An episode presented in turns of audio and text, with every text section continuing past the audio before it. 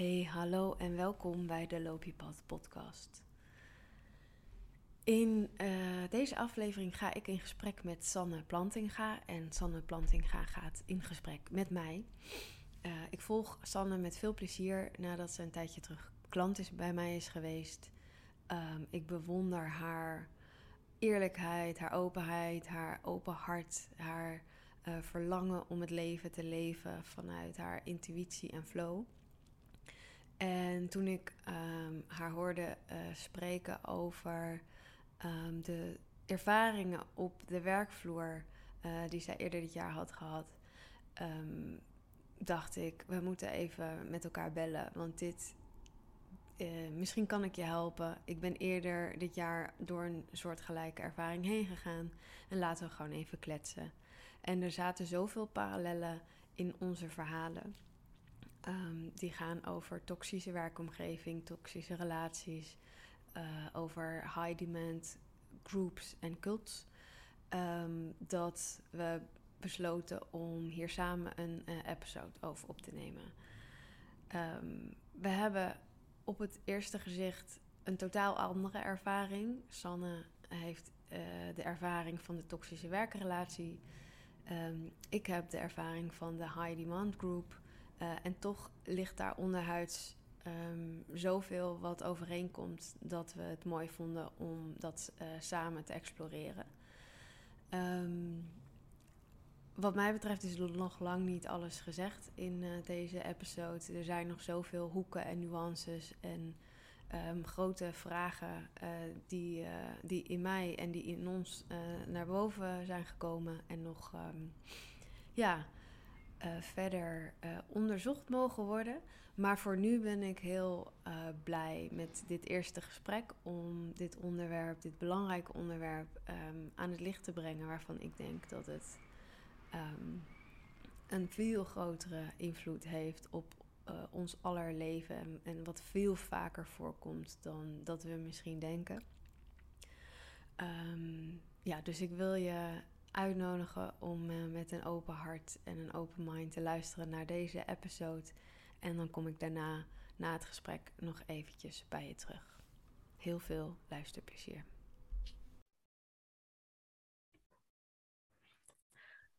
Nou, Sanna. Hey Anke. Daar zitten we dan. Ja. In deze um, long expected episode um, van onszelf. De rest van de wereld weet daar uh, nog niks van. Mm -hmm over toxic relationship, work environments, groups. En uh, ja, ik zit hier met een, een, een, gezonde dosis spanning in mijn lijf. Uh, om aan de hand van onze eigen verhalen daar een licht op te schijnen. Wat is, wat is het? Een toxische omgeving. Hoe herken je het? Hoe voelen wij, hoe voelden wij ons daarin? Allemaal relevante vragen. Ja. Ja, misschien is het, uh, ik wou zeggen leuk. Is het leuk om te vertellen? Superleuk. Superleuk om te vertellen. Dat wij iets van een maand geleden er inderdaad achterkwamen van ons beiden. Dat wij allebei in een toxische omgeving hebben gezeten afgelopen jaar. En dat we daarin heel erg de herkenning vonden en ook die urge voelden om ja, hierover te delen. Met elkaar, jij en ik, maar ook uh, met uh, de wereld. Ja. Omdat we ook voelden van, nou, dit heeft uh, zoveel impact op ons gemaakt dat het ons vuur ook weer op een positieve manier heeft aangewakkerd. Ik weet niet of dat bij jou ook zo is, maar mij heeft het ja, wel heel veel ook in positieve zin daardoor ook gedaan. Dus ik voel wel echt inderdaad een urge om hierover te delen. En het voelt goed om dat samen te doen. Ja, zeker. Ja, ja iets minder eng eens. misschien. Iets minder eng. En um, ik denk ook uh, dat het makkelijker... Ik vind het zelf ook makkelijker om te reageren op vragen dan um, van A tot Z het hele verhaal zelf te moeten vertellen. Overigens denk ik niet dat het hele verhaal van A tot Z aan bod gaat komen. Hmm, Ehm. Maar wel juist eh, de, de key points, zeg maar, eruit te vissen met elkaar. Dat dat makkelijker is samen dan eh, alleen. Ja. Ehm, ja, dus ik eh, kijk er ook eh, naar uit. Gek genoeg. Nee, ja, ik kijk er eigenlijk wel naar uit. Om Ja. dit te doen samen. ja, ja. Voelt wel eh, helend en helpend. Ja, zeker. Yes, oké. Oké. Zullen we dan maar beginnen? Ja. ja, Aarzelend, maar ja. Ja, oké. Ja, Ja. en nog één ding wil ik zeggen. Mhm. Ik heb heel veel ehm, zin en behoefte om, eh, om mijn verhaal hierover te doen. Dus de schoorvoetendheid bij mij zit er vooral in, ehm, kan ik het goed overbrengen? Omdat het een soort van zo'n brei is met allemaal details. En wat is belangrijk voor de luisteraar om te, om te horen? Ja. Ik merk dat het ehm, bij mij iets minder meer is van, oeh, wat zal die groep ervan vinden? Of ehm, de buitenwereld. Dus ik wil het vooral graag goed doen. Ehm, dus, en, maar daar ben jij er, er dan voor. Om mij eh, om eh, de goede vragen te stellen, maar ook gewoon om samen te voelen. Weet je, wat er gedeeld wordt, dat is gewoon wat er gedeeld mag worden. Ehm, dus zal ik beginnen? ja, dat mag. Ja? Of Ja. wil je nog iets zeggen? Nee, nou eh, ja, er schieten mij dan ook allemaal dingen te binnen, maar dan zijn we nog een uur bezig om het bol in te leiden voordat we echt beginnen. Nee, maar misschien is het eh, wat je net zei, inderdaad. Ik wil het verhaal zo goed mogelijk vertellen. Ehm, ik kan me ook voorstellen inderdaad dat mensen dit horen en achteraf nog allemaal vragen hebben. Of Ja. eh, weet je wel, volgens mij is die ruimte er ook dat, dat we er later nog uitgebreider op terugkomen of bepaalde dingen nog highlighten of wat Ja. dan ook maar nodig is. Ja. Ehm, en ik dacht nog, eh, misschien is het goed om te vertellen. Want daar hebben we het zelf nog even over gehad. Eh, we hebben dus allebei in toxische omgevingen gezeten afgelopen jaar. Toch ook voor jou afgelopen jaar? Ja, eh, afgelopen jaar en het jaar daarvoor. Oh ja, Een, een Ja. overlap, maar, maar een overlap. Nee, oké. Ehm, maar dat we de betreffende omgeving, zeg maar niet per se bij naam noemen. Ehm, we hebben daar wel even over getwijfeld en over gesproken van wat zullen we daarmee doen. Maar we houden dat soort van anoniem. Eh, omdat we voelen van ja, dat zou de aandacht misschien te veel afleiden van waar het echt om gaat. Ehm, omdat het ons echt om de type, type verbinding gaat en type omgeving. Eh, en dat kun je in principe overal tegenkomen. Ja. Dus het gaat in die, dat opzicht niet per se om die twee personen en om de omgeving van die personen. Maar zodat je het ook gewoon eh, los daarvan kunt gaan herkennen in je eigen leven. Ja. Dus daarom zullen we geen namen noemen. Dat wou ik misschien nog even Ja, goeie. uitleggen. Ja. Oké. Ja. Oké, ja, en we hebben bedacht dat we allebei ons eh, verhaal gaan vertellen, wat we hebben meegemaakt, en daar, daarna daarover in gesprek gaan, Ja, toch? ja, zeker. Ja, dus, de, dus er volgt nu eerst een soort van korte versie ervan. En dan eh, volgt jouw korte versie van jouw verhaal. En dan kunnen we daar ook beter eh, bij elkaar op inhaken en, en vergelijken en dat soort dingen. Ja. Ehm, mijn eh, verhaal, het voelt alsof het een soort sprookje is, maar het is wel eh, een echt gebeurd verhaal. Mijn verhaal gaat eh, over ehm, eh, mijn periode in een, in een community, een spirituele community, ehm, die op zijn zachtst gezegd een high control group zou kunnen noemen. Maar als je het iets sterker uit wil drukken, zou je het ook he- kunnen hebben over een cult. En ehm, ik ben inderdaad, wij leven nu in januari 2023, dus ik ben in, jeetje, even nadenken hoor, 2021 ehm, echt eh, dichter bij deze groep gekomen. Ehm, en uiteindelijk februari 2022 eh, er ook helemaal uitgestapt. Dus dat heeft zich in een periode eigenlijk van een jaar ehm, afgespeeld.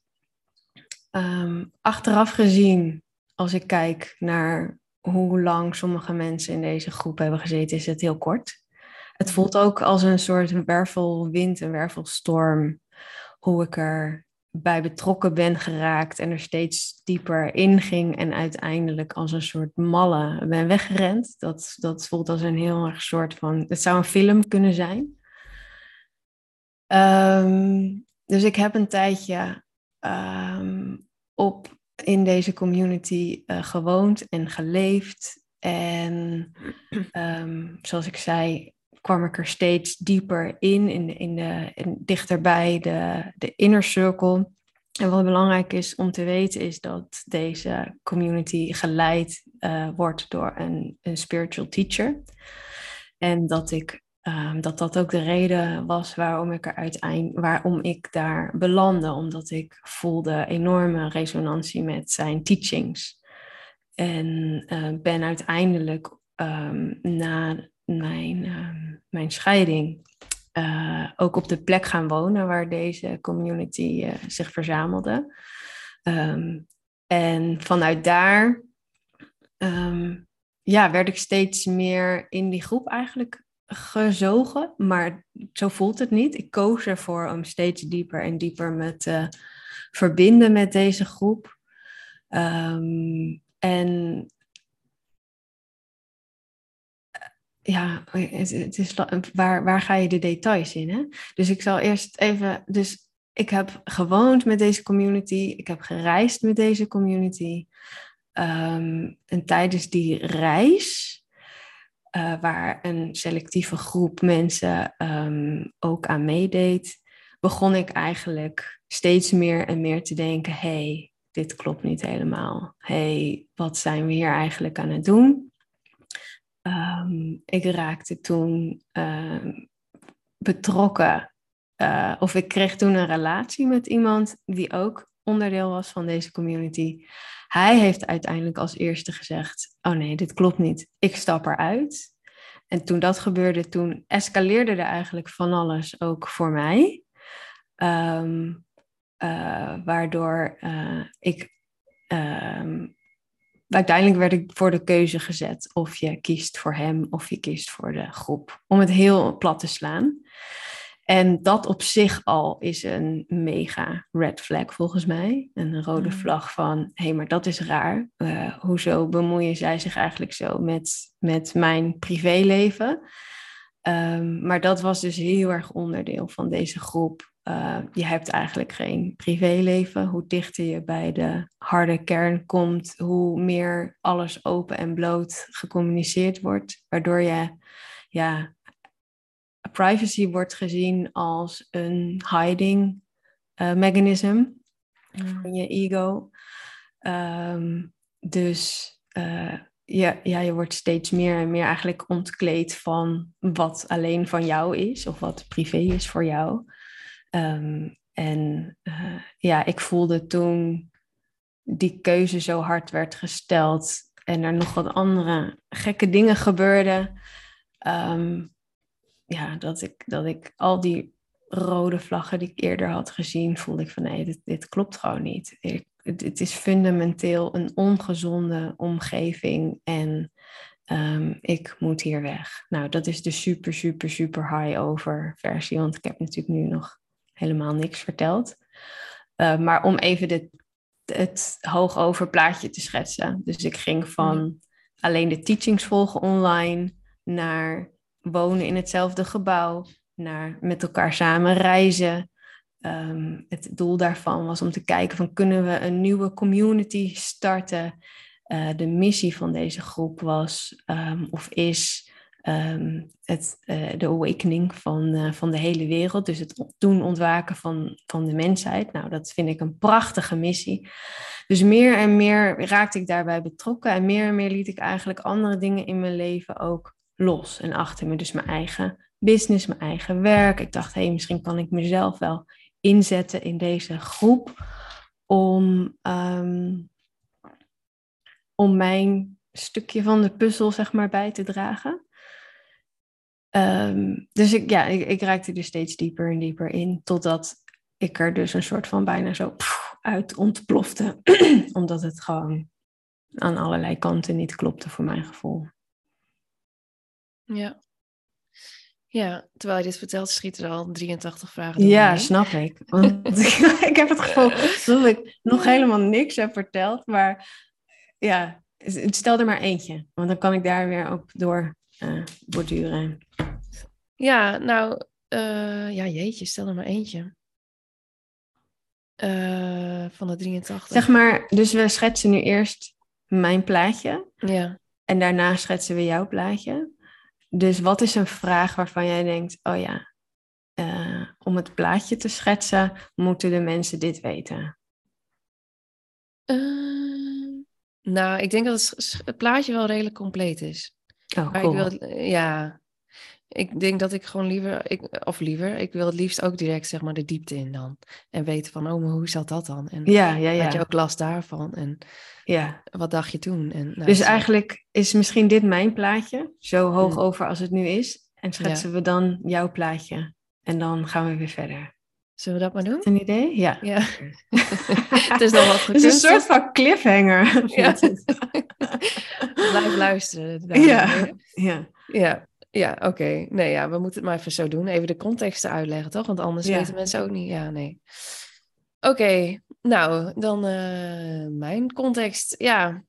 Ehm, nou ja, het, eh, ik heb direct al de neiging om het veel meer in te dekken door te zeggen van ja, zo groot was het bij mij niet. Ik weet niet of het relevant is, maar dat... eh, Voelt niet echt relevant, moet ik eerlijk nee. zeggen. oké. Want het is niet te vergelijken. Het, dat is wel, dus dat is, het is gewoon eigenlijk, het is wel te vergelijken in de zin van, het zijn allebei echt in onze ogen toxische omgevingen geweest. En het is niet te vergelijken omdat, eh, ja, wat jij hebt meegemaakt is dan weer niet echt cultachtig. Nee. Maar wel super toxisch. En ik denk dat de blootstelling waarin jij in het vuur hebt gestaan, dan weer misschien wat langer heeft geduurd dan bij mij. Dus het, het, Mm, het, ja, dat vergelijken heeft denk ik niet zoveel zin. nee. Nee, dat snap ik. Oké, nou, ik vertel wel gewoon hoe het is, hoe het was. Ehm, het was afgelopen zomer. Eh, ik liep zelf eh, best wel vast met mijn eh, onderneming. Ehm, en dat frustreerde me. En ik was zoekende in, ehm, ja, wat moet ik nou doen eigenlijk? En eh, toen eh, ehm, kwam er een podcast op mijn pad van iemand, eh, een business coach, die ik eh, ja, heel erg hoog had zitten, heel erg respecteerde, heel erg tegen opkeek. En, eh, en nou ja, zij was op, eh, op dat moment op zoek naar een trainee. En toen begonnen bij mij wat kwartjes te vallen van, oh ja, dat, eh, dat voelt voor mij nu heel eh, relevant. Ik voelde me ook echt intuïtief aangetrokken tot die stap zetten, zeg maar. Eh, en rationeel was het voor mij dat ik nou ja, dan kon afkijken bij iemand die ja, in mijn ogen heel succesvol was. En ik had in mijn achterhoofd het plaatje van hoe succesvol er, nou ja, hoe dat eruit ziet. En voor mij belichaamde zij dat. Eh, en ik had zoiets van, nou, dan, dit is mijn kans, zeg maar, om heel dicht bij het vuur te zitten en om af te kijken en om in te zien aan welke knoppen ik zou moeten draaien om ook succesvol te kunnen zijn met mijn onderneming. En nou ja, dat leek mij eh, op dat moment een, eh, de juiste stap, zeg maar. En nou ja, wat, waar ik me al wel eh, eigenlijk tijdens de eerste gesprek al wat ik met haar voerde om te kijken of de traineeship zou passen, waar ik me al direct wel bewust van was, is dat ze ook aangaf eh, van ja, al mijn teamleden zijn eigenlijk tot nu toe eh, ja, afgehaakt. Ehm, weggegaan met een burn-out of nou, vaak was dat volgens mij de reden. Dus tot nu toe was er geen team overeind gebleven bij deze persoon. En eh, ik voelde ook een soort van submissie bij mezelf. eh, om niet alleen zelf te leren en af te kijken, maar ook om, ja, ik gunde haar echt, zeg maar, een team dat eh, om haar heen bleef staan. Eh, omdat ik ja, gewoon heel erg mijn hart voor haar open had. Ehm, dus dat voelde ik als een soort van submissie. En ik had met haar afgesproken en ook wel met mezelf van alles wat ik daarin tegenkom. Ik stap zeg maar in het hol van de leeuw voor mijn gevoel. En alles wat ik daarin tegenkom, dat geef ik mee. Zo van oké, dit doet het met mij en dit is wat ik nu bij mezelf opmerk. Dus om daar heel ehm, open steeds over te zijn. Dus zo ging ik er een beetje in. En ik dacht, nou, ik, ik wil dit wel gaan veranderen. Ehm, en uh, ik ben daartoe in staat. En nou ja, het bleek eigenlijk dat ik daar ook niet tot in staat was. Dat ik uh, ook ten onder ging aan de, ja, hoe wil je het noemen, de bedrijfscultuur. Um, ja, wat in mijn ogen, uh, nou in ieder geval niet voor mij werkte. Ik voelde me heel erg angstig vaak en niet goed genoeg. En bij elke stap die ik zette voelde ik spanning. En nou, ik, kwam totaal niet uit de verf, waardoor het eigenlijk ook weer een soort van, ja, weet niet of het een self-fulfilling prophecy was, maar in ieder geval haakte ik daardoor ook, moest ik ook afhaken, want het ging bij mij ook niet meer. Um, ja, is dat, is dat de context genoeg? Ja. Te denken? Ja? Ik denk het wel. Ja. ja dus nou ja, die hele periode heeft iets van tweeënhalve maand of zo geduurd, ook niet heel lang. Maar um, ja, afgelopen najaar was het. Dus ja. dat was vooral. Ik denk dat het goed is om uh, te beginnen met uh, wat, wat was er volgens ons toxisch aan deze omgevingen? Ja. Wil jij dat beantwoorden? Um, nou, ik uh, waren denk ik een aantal dingen. Um, en ik, ja, ik ben misschien ook goed om te zeggen, ik ben nog steeds dingen aan het uitvoeren. Volgens mij heb jij dat ook.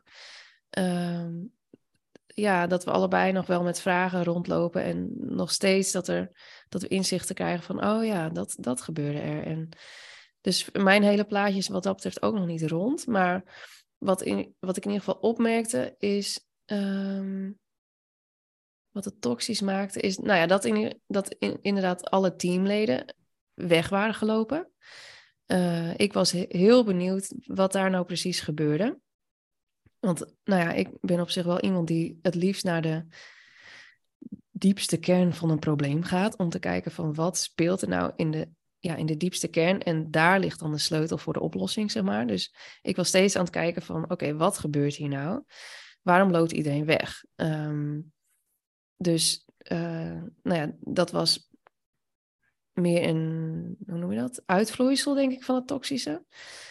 Um, maar ja, wat ik merkte is dat er, dat er veel dingen vanuit, ja, ik denk wel een bepaalde angst gebeurde of een bepaalde overdrive. Uh, ja, hoe kan ik het omschrijven? Ik merkte in ieder geval bij mezelf, misschien moet ik het bij mezelf houden, dat ik elke keer heel bang werd dat, dat deze persoon mij zou bellen. En dat ik iets niet goed had gedaan. En dat uh, wat ik had gedaan, nou, dat kreeg ik ook steeds terug, dat het eigenlijk nooit goed was. Um, uh, dus dat zorgde voor mij voor heel veel angst. En voordat ik me, uh, ik merkte ook dat ik mezelf steeds niet 100% durfde uit te spreken als ik in verbinding met, met haar was. Uh, en wat, de, wat deed zij dan? dus, want uh, als je hier naar luistert, dan kan je tot nu toe ook nog denken, en dat zal zeker ook een rol hebben gespeeld van, nou ja, misschien is Sanne heel onzeker over zichzelf. Dus daar, dat, dat, dat kan, hè, dat er een bepaald iets getriggerd wordt. Um, ja. Maar daar kan je dan als gesprekspartner op verschillende manieren mm. mee omgaan. Ja. En wat deed zij en wat had jij eigenlijk nodig? Um, nou, ik heb het wel eens vergeleken met dat ik inderdaad als klein meisje probeerde te fietsen voor het eerst. Uh, en dat uh, zij daarna stond um, te schreeuwen. zeg maar, dat ik of sneller of harder moest. En als ik dan viel, dan was er niet een zachte hand die mij overeind hielp, maar was, werd alleen maar harder en harder. Um, dus het werd een soort van op een bepaalde manier afgedwongen. En dat werkte voor mij, ja, lukte niet. Dus de, de veiligheid ontbrak er, ontbrak er voor mijn gevoel. En ik voelde me ja, gewoon niet veilig. Het voelde ook alsof ik op elk moment gewoon eruit geknikkerd zou kunnen worden. En als ik aangaf van ik heb hulp nodig, dan kreeg ik dat niet. En ja, het, uh, ik voelde me steeds kleiner worden en uh, de verharding werd steeds groter daardoor. Dus in plaats van inderdaad uh, dat je uh, zou kunnen zeggen van nou, loopt, de een loopt vast en de ander die vraagt, hey, wat, wat gebeurt er bij jou? waarom loop je vast? Wat heb je nodig? Dat was er niet, zeg maar. Het was um, ja, op een bepaalde harde manier iets afdwingen. En dat, dat, ja, dat streek helemaal tegen mijn haren in, zeg maar, waardoor het alleen maar minder werd. Hmm. Snap je wat ik bedoel? Ja, dus, dus, dus een soort. Um, uh, of, je, of je kunt het tempo bijhouden en dan, uh, uh, hè, dan kan, je, kan je meedoen. Mhm. Of niet, maar dan moet je het een beetje zelf uitzoeken. Klopt dat? Of, Ja, zo'n beetje. Ja. ja, en er was gewoon eigenlijk geen begrip voor uh, waarom iets misschien niet lukte. Of uh, de, er was geen, zeg maar, geen compassie voor de zwakte of zo. Mm-hmm. Uh, terwijl dat wel precies was wat ik nodig had. Dat iemand mij even zag en ja, kon meegeven van... hé, hey, ik zie dat je even vastloopt, bewijs van. En ja, de, de, de zachtheid ontbrak. En vanuit haar gezien, wat was haar... zonder dat we dat natuurlijk kunnen niet in haar hoofd kijken, maar ze heeft dat wel, ehm, denk ik, uitgelegd of haar visie daarover gedeeld met je.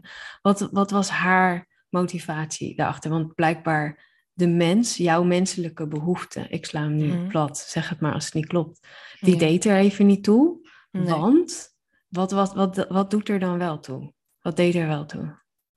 Uh, nou ja, het resultaat, zeg maar. Um, ja, moest gewoon gepresteerd worden. En dat werd vaak ook wel letterlijk gezegd van... Uh, waarom zijn jullie zoveel aan het overleggen met elkaar? Er moet gewoon gewerkt worden. Um, ja, het voelde, ja, het voelde bijna een soort van tyranniek. Mm. Uh, ja, je herkent het misschien wel een beetje als je in een kantoor zit te werken met mensen en met collega's. En dat, nou, je voelt je gelijkwaardig aan die collega's en het gaat gewoon fijn. En dan komt ineens een soort van de baas binnenlopen. Dan voel je wel eens, tenminste, dat herken ik vanuit mijn loondienstperiode, dat, dat je dan een beetje zo van oplet, op gaat letten van oeh, dan moet ik mhm. geen gekke dingen zeggen. Maar dat, dat, dat was dat gevoel keer honderd, zeg maar. Dat je gewoon echt bang, tenminste ik werd gewoon echt bang voor, ja, hoe ze zou reageren. En uh, ja, volgens mij is dat uh, is dat wel redelijk toxisch. Want volgens mij hoeft dat niet. ja. ja. Dat, dat vind ik echt super herkenbaar ook. Dat was bij, uh, bij ons, bij mij was dat ook heel erg het geval. Dus dat uh, zeg maar de, um, de standaard van de leider was leidend. En iedereen probeerde daar een soort van um, aan te voldoen. Um, maar die lat lag zo ontzettend hoog, deze man um, uh, dacht, vond, vindt dat, dat hij eigenlijk um, een enlightened being is. Dus, dus hij, is, hij was het meest wakker van ons allemaal. Dus dat, uh, dat is een soort van de, de rode draad die bij ons heel erg overal doorheen verweven was. Maar daardoor ging iedereen zichzelf toetsen aan hem. Uh, en, en wat, wat zijn moed was, hoe hij binnenkwam. En je merkte dus gewoon heel erg dat mensen heel erg hun, hun expressieve zelf waren, totdat hij, hij binnenkwam. Ja. Snap je? Dus het, het, het werd een soort van één homogene brei uh, van individuen die zich probeerden te voegen naar een een idee of een standaard opgelegd door hem. Ehm, en niet omdat dat zo exciting voelde of omdat het zo lekker voelt, maar ook vanuit, wel vanuit angst om maar uitgepikt te worden en gewezen te worden op waar jij zelf nog niet wakker genoeg bent of waar jij zelf ehm, distorted, noemde zij het dan, bent. Ja. En eh, ik denk dat, dat, dat, dat ik dat heel erg herken, dat zeg maar het uber toxische vond ik aan deze omgeving, was dat. Dat er dus één persoon zich neerzet uh, alsof hij beter is dan alle andere mensen. En ehm, daarin ook dus die, die um, de macht um, naar zich toe uh, trok. En of je speelde dat spelletje mee, of je speelde het spelletje niet mee. Maar dan heb je wel een probleem. Mm.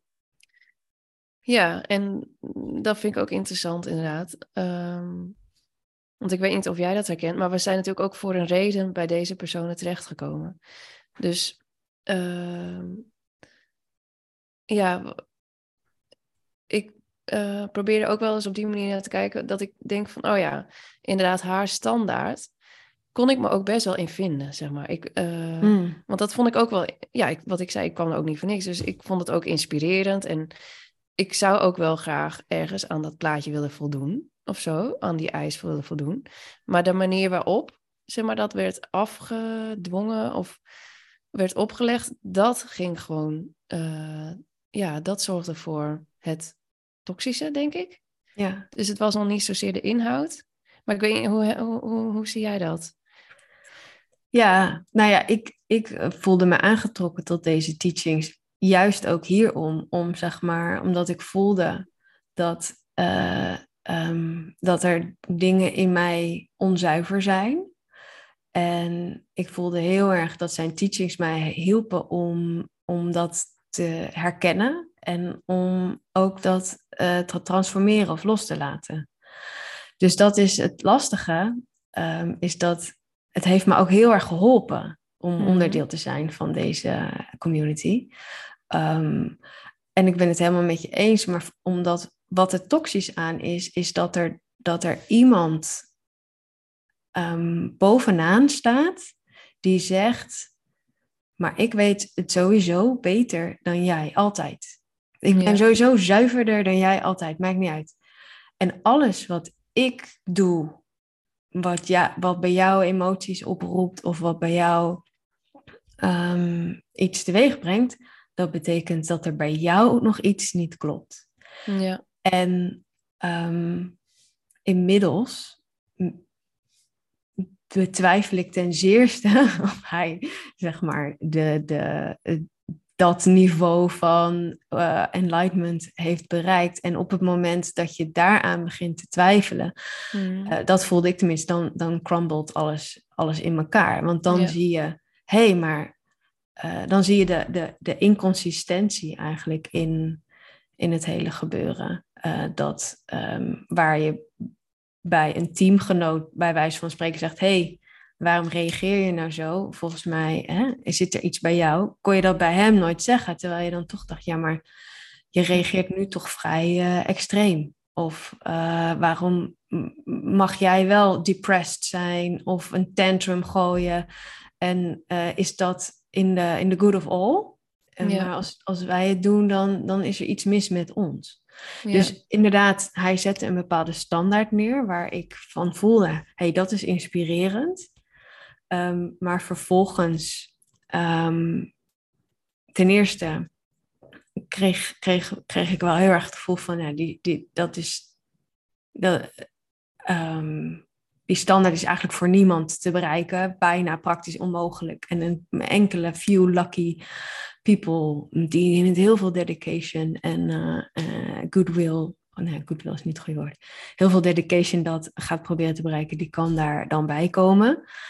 Um, met andere woorden, je kan het eigenlijk niet krijgen, maar hij heeft het wel.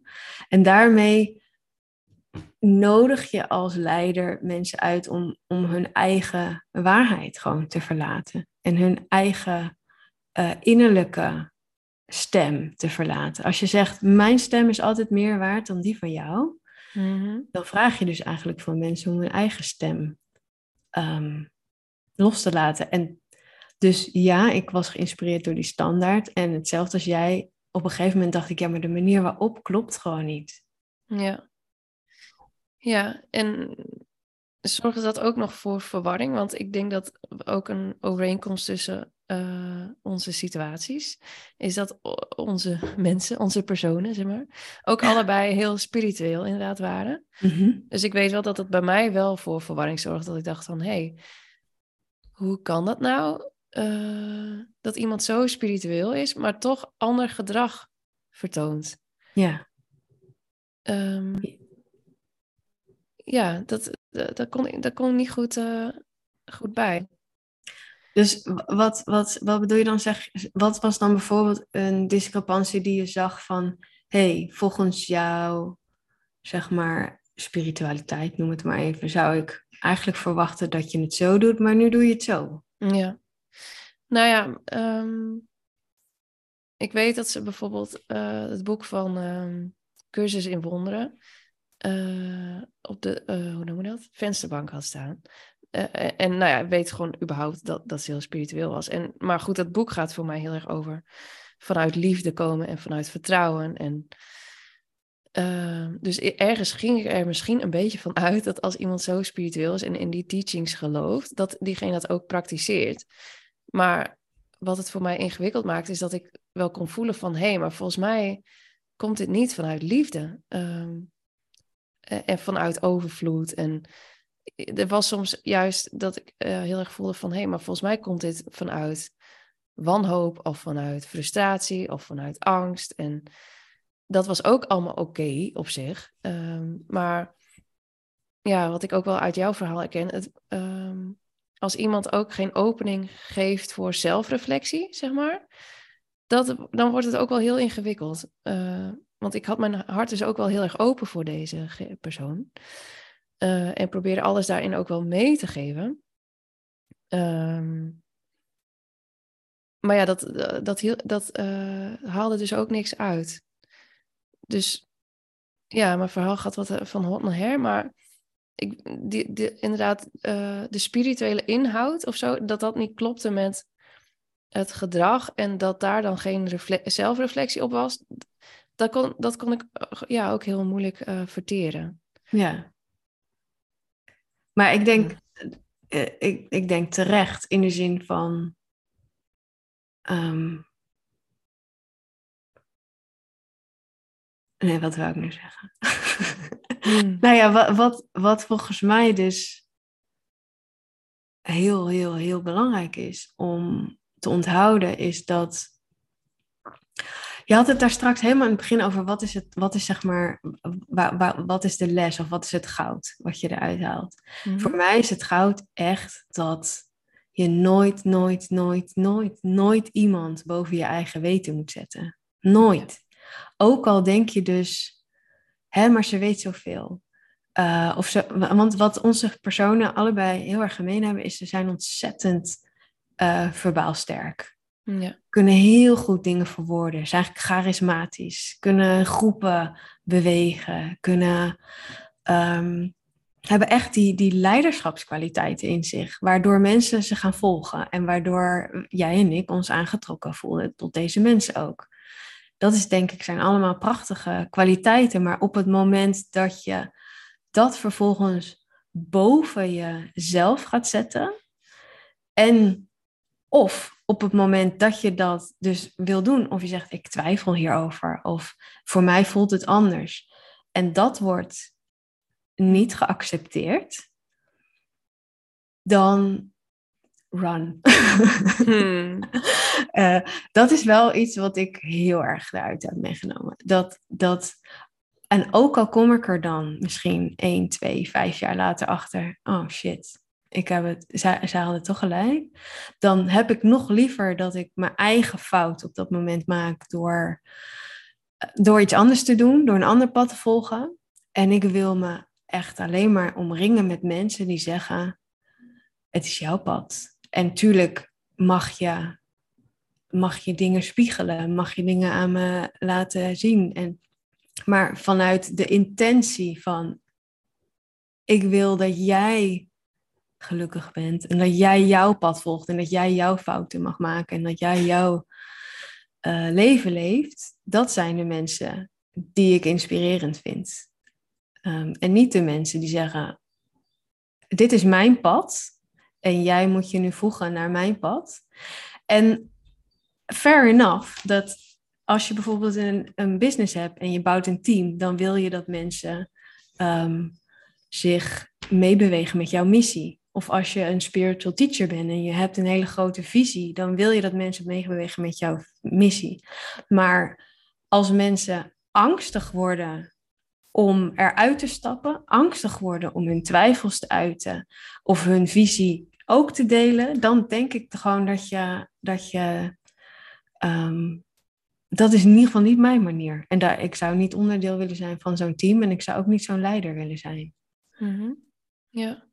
En ik, ik wilde zeggen, dan sla je de plank mis, maar dat voelde een beetje te veel het oordeel erop. Maar ik denk wel overal, als ik denk, hoe willen we de wereld naar een mooiere plek gidsen, dan denk ik wel degelijk dat dat niet de manier is. Nee, want uh, is er in jouw optiek wel, zeg maar, eh, een manier waarop het wel zou kunnen? Dat je zeg maar en de inhoud hebt van waar je wel in gelooft en waar je in eerste instantie toe aangetrokken voelde en dat het wel zou kunnen werken? Ja, dat weet ik zeker. Hoe zou dat eruit zien? Wat is daarvoor nodig? Nou ja, wat ik um, voel daarbij is dat er is een gezamenlijke missie en dat is logisch en die moet er ook zijn. Ik denk dat bij ons allebei, nog een klein zijstapje, die missie een beetje of heel erg misbruikt is om, um, om mensen zich te laten voegen en om hun individuele kleuren uh, af te shedden in naam van de missie. Ik denk dat dat niet klopt. Ik denk dat um, die missie er wel degelijk uh, is en mag zijn. En dat dat ook de mensen mag aantrekken die, die diezelfde missie eh, voelen in hun hart en daaraan mee willen werken. En vervolgens dat je dus heel erg gaat kijken van wie ben jij als persoon en hoe, hoe kan dit organisme profiteren van jouw unieke kleuren. En met organisme bedoel ik het bedrijf, um, wat je, het initiatief wat je neerzet. Um, en dat je mensen in hun individuele kracht laat bijdragen aan die missie. Mm. Maar dat kost ten eerste tijd, aandacht, energie. En wat het doet, het, is, het haalt jou als leider totaal van je voetstuk af. Want dan is het niet, niet meer jij, weet je wel, staat helemaal bovenaan en daaronder komen allemaal poppetjes. Wat bij in mijn geval absoluut het geval was. Um, uiteindelijk bewoog het hele mechanisme in zijn ritme. En um, ik, ik denk dat als je dat anders wil doen, dan gaat het er veel meer over. We doen dit samen. En als leider ben je meer een soort van, ja, um, spaceholder ervan. En wel degelijk, je houdt het allemaal in de gaten. En je hebt een, een koers en je houdt die koers in de gaten. Maar je houdt ook in de gaten hoe gaat het met de mensen? Hmm. En ehm, dat vraagt volgens mij dat je ja, dat je, je, je ego ook even kan parkeren. En kan zeggen, nou ja, het is nu goed, weet je wel, voor, voor het bedrijf, voor het team, dat we het zo gaan doen. Ja. Vind ik misschien minder leuk. Maar ja, dus dat jij niet boven de rest staat. Mhm. En denk je dan inderdaad, eh, hè, ik vraag me nou af, waar schortte het dan aan? Zeg maar, waar, waar ging het mis? Is dat puur eh, inderdaad het ego, wat zich beter wil voelen dan de rest? Of... Nou ja, in, in, kijk, in mijn geval, in mijn situatie, ehm, was het best wel, kan ik zeggen, best wel extreem. Ik heb niet alles zelf gezien. Ik heb niet alles zelf meegemaakt. Ik heb daarna wel met mensen gesproken. Ik heb interviews gehoord van mensen die veel dichter bij hem zijn geweest, voormalige vriendinnen, zijn exen. Ehm, als ik op basis van wat ik zelf heb ervaren, kan ik, um, durf ik dat te geloven dat wat zij zeggen dat dat waar is. Mhm. En dan waar het aan schort, is dat het deze persoon gaat over macht. Over geld, over seks, over invloed, over aandacht. Dus het hele, de hele intentie, ah, de missie klopt wel. Maar de hele driving force van de leider die erachter zit, ehm, is in die zin, ehm, die berust op, op personal gain. Ja. En daar, dat, dat, op, als dat, op het moment dat dat gaat spelen, gaat het scheef. En het Ja. kan heel goed zijn dat deze persoon dit begonnen is vanuit pure liefde en intentie. En dat je een soort van een beetje crazy wordt van alle aandacht. Dat, dat weet ik niet, dat heb ik nooit meegemaakt. En dan nog denk ik dat het je verantwoordelijkheid is om ehm, dat bij jezelf te blijven checken. Ja, want dat eh, zit mij dus wat dwars. Ja, vertel, wat zit je dwars? nou, dat ik dat, ja, dan kom ik weer op het punt van, hè, dan, dan zijn het dus inderdaad mensen die heel bewust zijn en heel en spiritueel. En dan kan ik bijna niet geloven Ja, dat iemand dan zo caught up toch kan raken in eigen ego. Hoe kan dat dan? Eh, dat zit maar ook dwars. maar dat, en dat komt ook, denk ik, omdat ehm, mijn neiging. En eh, dit, ik heb heel veel podcasts geluisterd over cults. Ja. Als mensen dit interessant vinden, A Little Bit Culty is een hele, ehm, hele goede hiervoor. Ehm, en wat zij ook zeggen is, de, als, je, als je zelf in, het, in essentie goed bent, je hebt een goed hart, een goede intentie, dan, heb je, dan ga je automatisch eigenlijk vanuit dat andere mensen dat ook hebben. En dan is het heel raar en een hele soort van shock als dan blijkt dat het niet zo is. En ik moet heel erg eerlijk zeggen dat ik dat eigenlijk zelf nog steeds aan het verwerken ben van deze manier. Ja, ja, ja. Dat, ik ehm, ook trouwens, van die manier. Ja, ja, oh Ja. ja. Ja. Dat op zijn. Oké, als, als ik hem in het, in het meest positieve licht zou zetten, zou ik zeggen: hij is het met een liefdevolle intentie begonnen. En got caught up in the attention en the power en allemaal dat soort dingen. En het groeide gewoon boven zijn hoofd. En ehm, hij, is, hij is er zelf, zeg maar, een soort van in verstrikt geraakt. En nu is het lastig om daar ook weer uit te komen.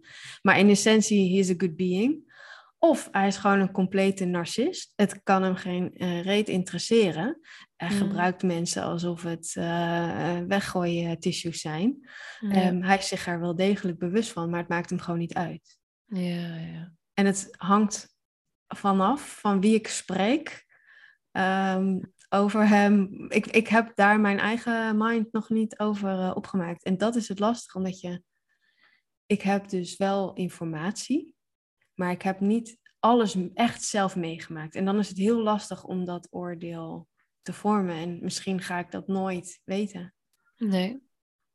Nee, en ik denk wat dat betreft was het voor mij misschien makkelijker omdat ik wel rechtstreeks contact met mijn persoon steeds heb gehad. Ja, Dus ik herken wel heel erg in eh, ehm, hè, wat ik dus eh, zelf wel probeerde, is om s- diegene steeds vragen te stellen van hé, hey, maar hoe zit dit dan? En maar vind je dit dan niet interessant? Dat mensen steeds weglopen en eh, ben je ook niet nieuwsgierig naar wat er gebeurt? En ik weet wel dat ze toen een keer heeft gezegd van ja, dat interesseert me niet.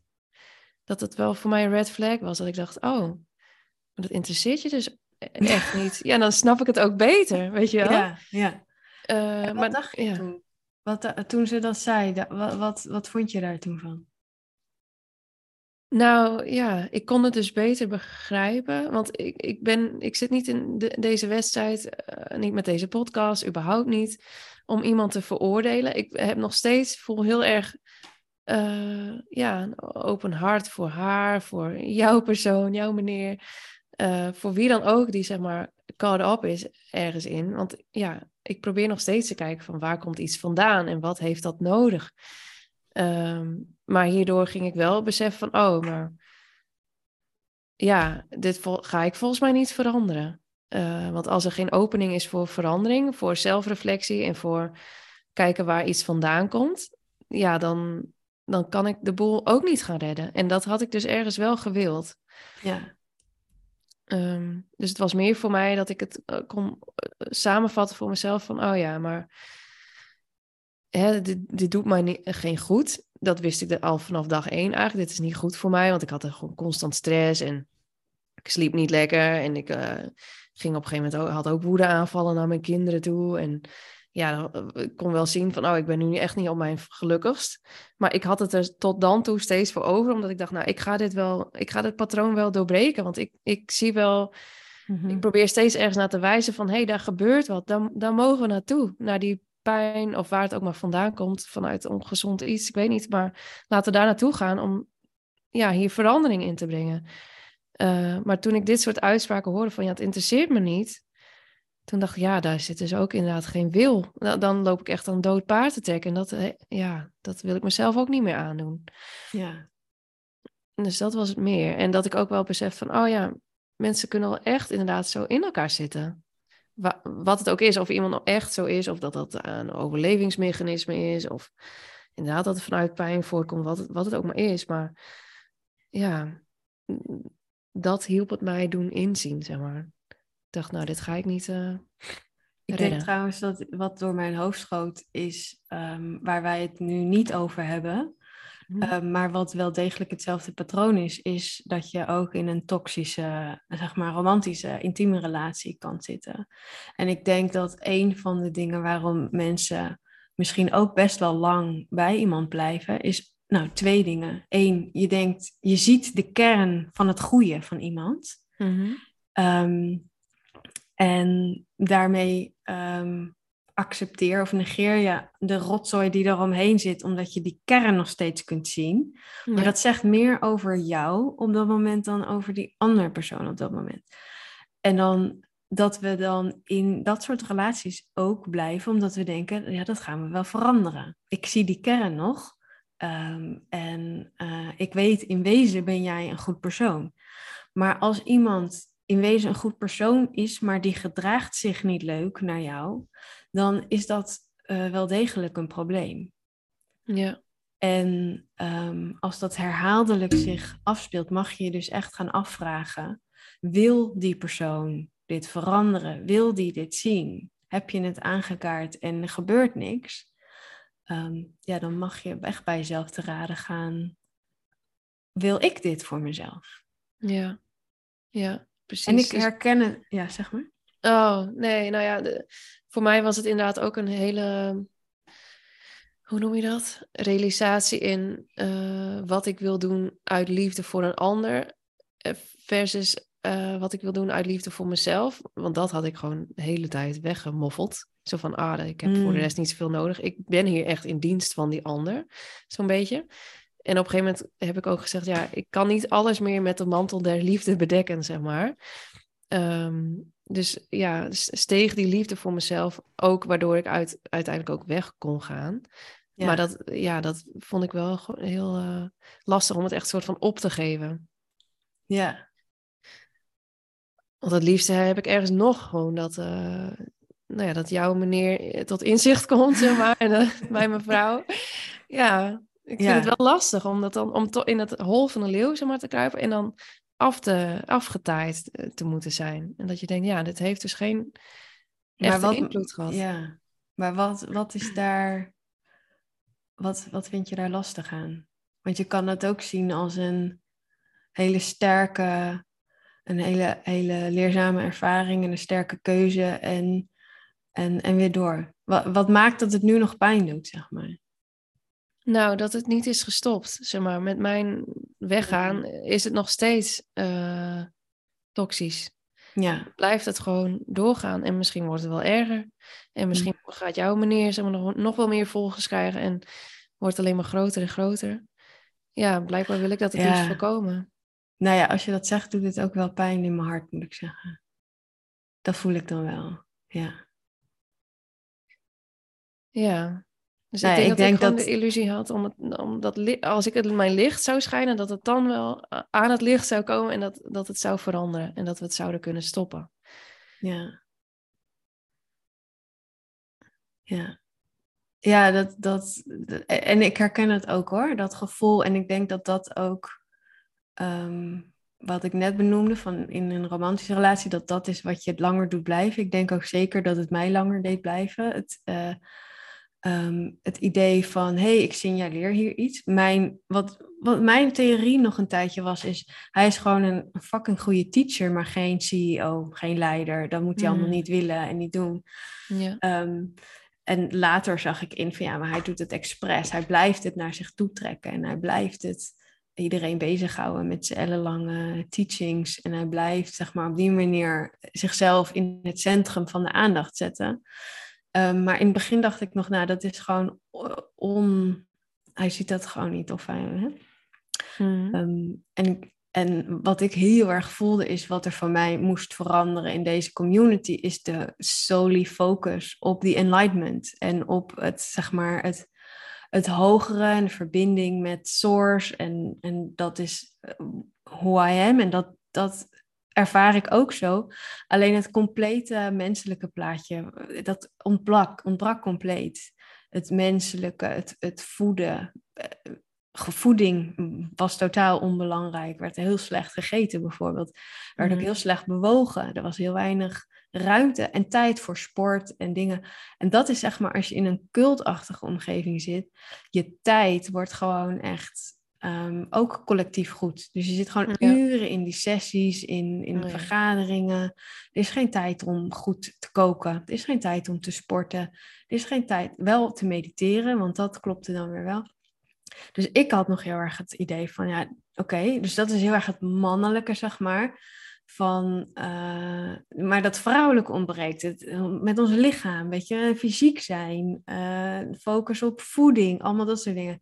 Dus ik dacht inderdaad heel erg nog van, we moeten gewoon dat in balans brengen. En dan kan deze community echt, echt thriven, weet je wel. Ja, ja. Maar dat is me niet gelukt. Nee, nee, nee, nee.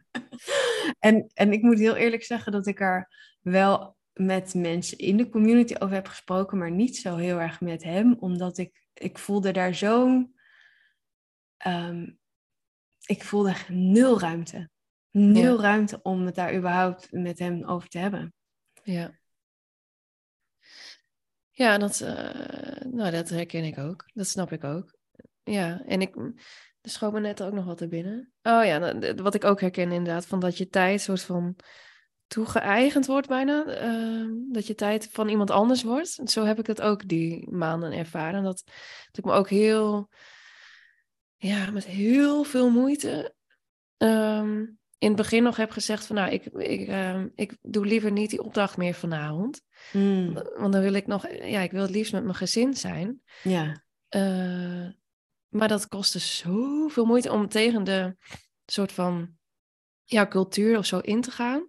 Om echt bij jezelf te blijven en echt te voelen van ja, maar dit zijn mijn waarden. En ik wil ook tijd besteden aan dit en dat. En aan, nou ja, in mijn geval aan mijn dochters. En eh, ik wil niet fulltime beschikbaar zijn en niet fulltime werken het liefst. Ik wil ook eh, inderdaad nog sporten. En, maar dat ging echt met zoveel moest ik echt aan mijn tenen halen om dan nog naar de sportschool te gaan. En was ik elke keer bang dat ik werd, zou worden gebeld, want ik moet toch daar zijn. En Mm, ja, het was echt alsof iemand anders bezit van mij had genomen.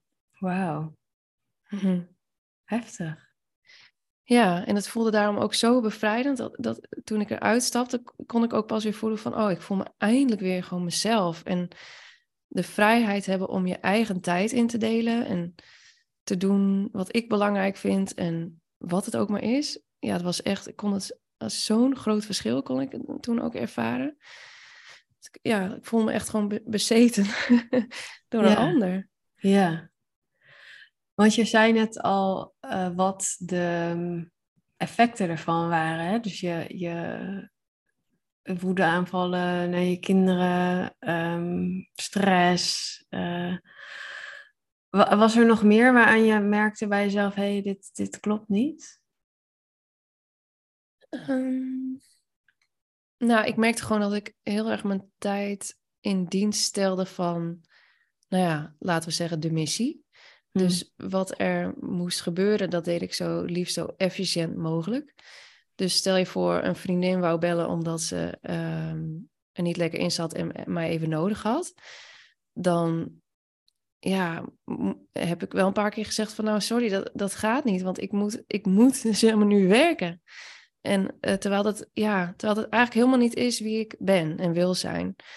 Ehm, eh, dus ja, aan dat soort dingen kon ik merken van, oh, maar dit, dit ben ik eigenlijk in wezen niet. Eh, en ergens kon ik dat nog steeds wel voelen, maar dat voelde heel moeilijk om dat, dat nog steeds soort van mee te nemen als in, ja, maar dit is ook wie ik ben en dit mag het toch ook zijn. En ja, dat, dat matchte bijna niet.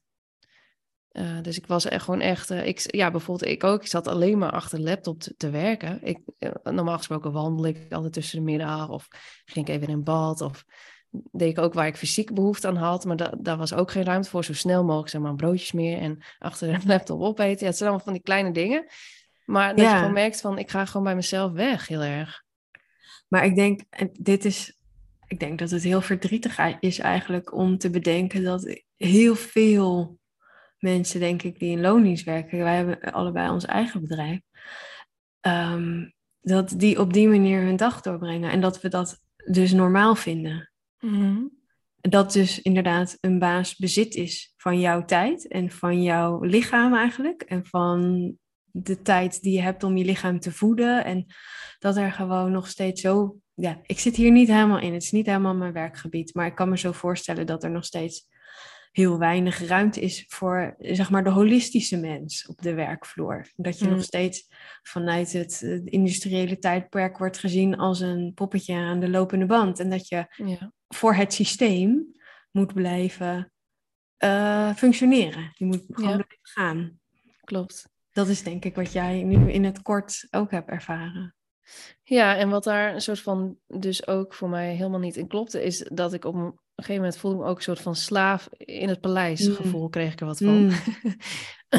Want ehm, het paleis, zeg maar, de visie was heel erg juist overvloed en vrijheid en eh, ja, je, je grootste potentie benutten en eh, jezelf helemaal in je kracht zetten en, en ja, je visie uitdragen. Dat was een soort van de belichaming van het paleis waar we allemaal voor werkten.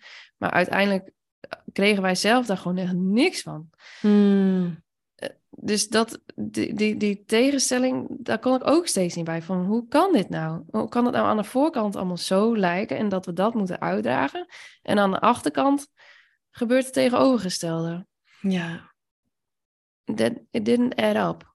ja, ja. Dat, dat, dat vind ik ook super herkenbaar. Dat zeg maar, dat, dat de teachings gingen over ehm, het volgen van je eigen, zeg maar, eh, joy en ehm, Ja, ja, gewoon heel erg het bevestigen van je mag je eigen pad lopen. En dat, dat is ook wat mij heel erg aantrok. Ehm, en dan achter de schermen zien hoe het zo'n soort van.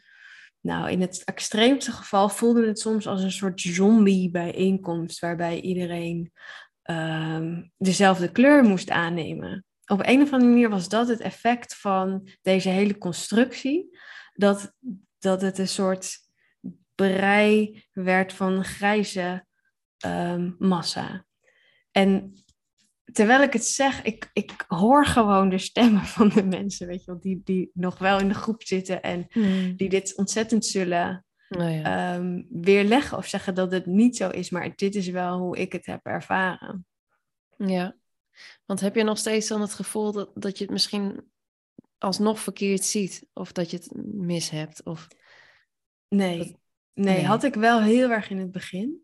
Ehm, dat, ik, dat ik nog steeds twijfelde. En de, het is misschien wel goed om uit te leggen hoe ik uiteindelijk, wat voor mij de druppel was. Want dat voelde zo extreem. Dus tot die tijd was ik gewoon wel heel erg aan het twijfelen. En ik dacht, klopt deze hele constructie wel? En kan ik... Maar het was heel erg van, kan ik hier wel thriven? Dus Ja. niet zozeer van, eh, wat hier gebeurt klopt niet. Ehm, maar een van de angstmechanismes die heel erg verweven was in deze groep, was dat de leider eh, bang was dat er ehm, energy leaks zouden komen in de groep. Dus die groep die moet homogeen bewegen om die missie te kunnen uh, voltooien, volbrengen. Maar als er een, een lek in het systeem zit, in de, in de bubbel, dan kunnen er negatieve uh, energieën, negatieve entiteiten die bubbel in. En um, hij, omdat hij natuurlijk heel, nu komt een beetje het sarcastische in mij naar boven, omdat hij natuurlijk heel verheven was, um, was daarin het meest kwetsbaar. Dus we moesten ook eigenlijk allemaal de hele tijd zorgen dat onze energie aligned was, want anders dan was dat een gevaar voor de groep. Kun je nagaan wat dat met je doet? Dat op het mm. moment dat jij even twijfelt of je niet lekker in je vel zit, dan, mocht, dan had je ook eigenlijk het gevoel van, oh, ik moet even niet bij de groep, ik moet zeker niet dicht bij hem komen, in plaats van dus dat het er mocht zijn en dat het oké was en dat het gewoon menselijk is en dat het even door je heen moet stromen, uh, was dat een gevaar voor de groep. Ehm, en nu was het zo dus dat die persoon met wie ik een relatie kreeg, met ruzie uit de groep was gegaan. En um, uh, dat heel erg ineens op mij reflecteerde, want ik was nog in de groep en er ontstond een ontzettend groot wantrouwen. En ik zat nog steeds in die fase van ik weet het niet, ik twijfel. En dat had ik ook uitgesproken naar een teamlid en dat uh, is ook bij deze leider um, terechtgekomen. En door een samenloop van omstandigheden um, ben ik uiteindelijk ervan beschuldigd dat ik um, onder uh, attack was, uh, hoe noem je dat? Uh, Dat ik aangevallen werd, of in ieder geval bezeten bijna was, door een negatieve entiteit.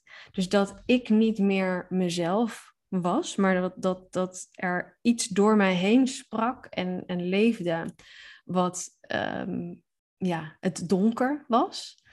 En toen werd tegen mij gezegd: Either you purge the entity or you have to be purged from the group. Dus of jij zorgt ervoor dat die entity uit jou gaat, of je wordt uit de groep gezet, of je moet de groep verlaten. En dus het werd zo, het, het, het, het was zo bizar, want ik dacht alleen maar, hè? Ik, ik ben gewoon, ja, ik ben heel moe, ja, ik heb twijfels, ja, maar ik ben toch niet bezeten? Hmm. Um, en toen dat gebeurde, toen heeft hij een, een, bericht gestuurd naar de hele groep om te vertellen dat ik dus bezeten was door een negatieve entiteit. En toen die hele avond kwamen mensen naar me toe om me te knuffelen en om te zeggen gaat het. En ik voelde me gewoon zo verloren, zo alsof, um, alsof er iets op mijn ziel had getrapt omdat op het moment dat ik beschuldigd werd daarvan, voelde ik, ik kan nu zeggen, nee, nee, ik, ik voel dat niet, ik ervaar dat niet. Maar dan is het alleen nog maar meer bewijs dat het zo is. Of ik ga erin mee en dan, dan, dan ben ik veilig, dan ben ik veilig in deze groep. Mm. Het was echt zo'n soort existentiële angstervaring. Van als ik nu hier tegen inga, dat is een soort sociale dood midden in een groep in het mhm. buitenland waar ik gewoon volledig aan committed was, dan, dan blaas ik dat allemaal op. Ehm, of ik verlogen mezelf. En dat heb ik dus gedaan. Van, oh ja, oké, nou uh, help me dan maar, ik weet het ook niet. Terwijl ik van binnen wist, ja, dit klopt gewoon niet. Dit klopt gewoon niet. En daarom voelde ik me zo verloren en zo van mezelf weg. Ja. En ik voelde, ik kan dit aan niemand hier uitleggen. Want iedereen zit in die stroom van ja, maar het is allemaal waar. Die bubbel moeten we bewaren. We moeten heel voorzichtig zijn. Er mogen geen negatieve entiteiten naar binnen komen. Uh, dus waarom ik um, uiteindelijk niet twijfel, is omdat als ik terugkijk op deze ervaring, is dat zo raar en zo extreem. En kan ik zo zien hoe dit allemaal in ons is geplant dat gevoel van we moeten hem beschermen tegen negatieve entiteiten. En daar, daar, dat is de kern zeg maar, van deze groep, van die angstcultuur. Van er mag niks in het veld zijn wat, weet je, wat, wat, wat, wat een lagere frequentie heeft, want dan heeft de leider daar last van. En dan hebben we daar allemaal last van. En dat is niet goed voor de missie. Um, dus ja, uiteindelijk na die ervaring, nou, ik had nog wel even tijd nodig natuurlijk om dat te verwerken en om daarnaar te kijken. En, eh, maar toen ben ik wel als, een, als een uh, malle gewoon letterlijk weggerend. En dat vind ik een, een enorme uh, indicator ook, dat als jij in een groep zit of in een werkomgeving of in een, een relatie en je beeld je eens in, stel je voor je gaat weg. Ga je, kijk, de ander hoeft dat niet leuk te vinden, maar ga je dan weg met een gevoel van angst en shame en word je echt eigenlijk weggezet als een verrader, dan zit je niet in een gezonde omgeving. Ja. Want hoe, als het een gezonde, liefdevolle omgeving is, dan zeggen ze misschien: Oh, wat ontzettend jammer. Ik ga je onwijs missen. Ik begrijp het ook niet helemaal, maar het is jouw pad. Bijvoorbeeld, hè? Ja. is iets Ja. heel anders. Maar ik had echt het gevoel: ik moet rennen. En ik Mm. ben onveilig en ik ben pas veilig als ik op, op zeg maar fysieke afstand ben van deze groep. Dan voel ik me veilig dat ze me niet gaan bellen en zeggen: Ja, maar dit is de entity die, die deze keuze maakt. En kijk nou eens naar jezelf. En dit ben jij niet echt. Dat is toch ontzettend heftig dat iemand tegen je zegt: Hoe je nu reageert, dat ben jij niet echt. Ja. Dat is, dat is iets donkers. En dat komt omdat je verliefd bent op de man die hier met ruzie is weggegaan. Ja, dat eh, lijkt me heel heftig. En ik denk ook eh, tegelijkertijd, wat, wat zorgde ervoor dat jij uiteindelijk wel bent weggegaan en heel veel mensen niet?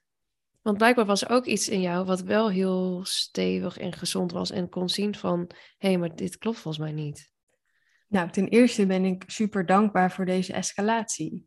Want ehm, als dit mij niet was gebeurd, als, als deze eh, teacher niet voor mij had gestaan en gezegd: Oké, wil je dat wil je helpen om te purgen? En, en hij een glas water ging instralen met zijn goede bedoelingen en dat aan me gaf om het daarbij te helpen.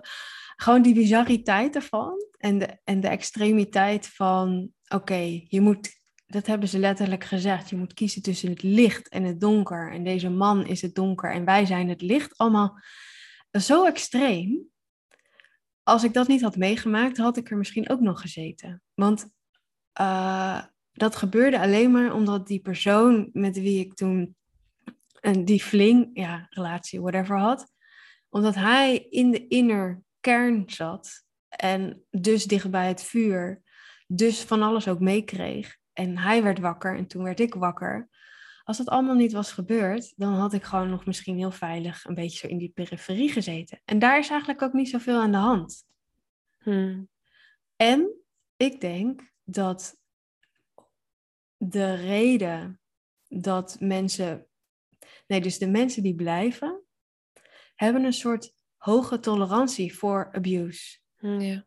Dus die, die, die worden als een soort natuurlijke selectie Um, ze accepteren dit. Ze accepteren deze omgeving. En, ja.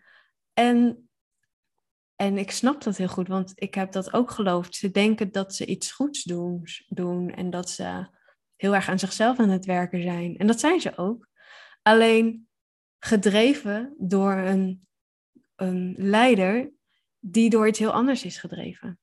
Dus ik geloof heel erg in hun goede bedoelingen en dat zij er misschien ook heel veel uithalen. En nog één ding, later probeerde ik het uitleggen aan iemand met wie ik een, een nauwe band had. Um, en ik, ik voelde ook, dus je probeert het eigenlijk ook niet uit te leggen. Meest, om, ik probeerde dat eigenlijk niet, omdat als je daar nog helemaal zo in zit, in die bubbel, dan kan je eigenlijk niet zien wat ik zag.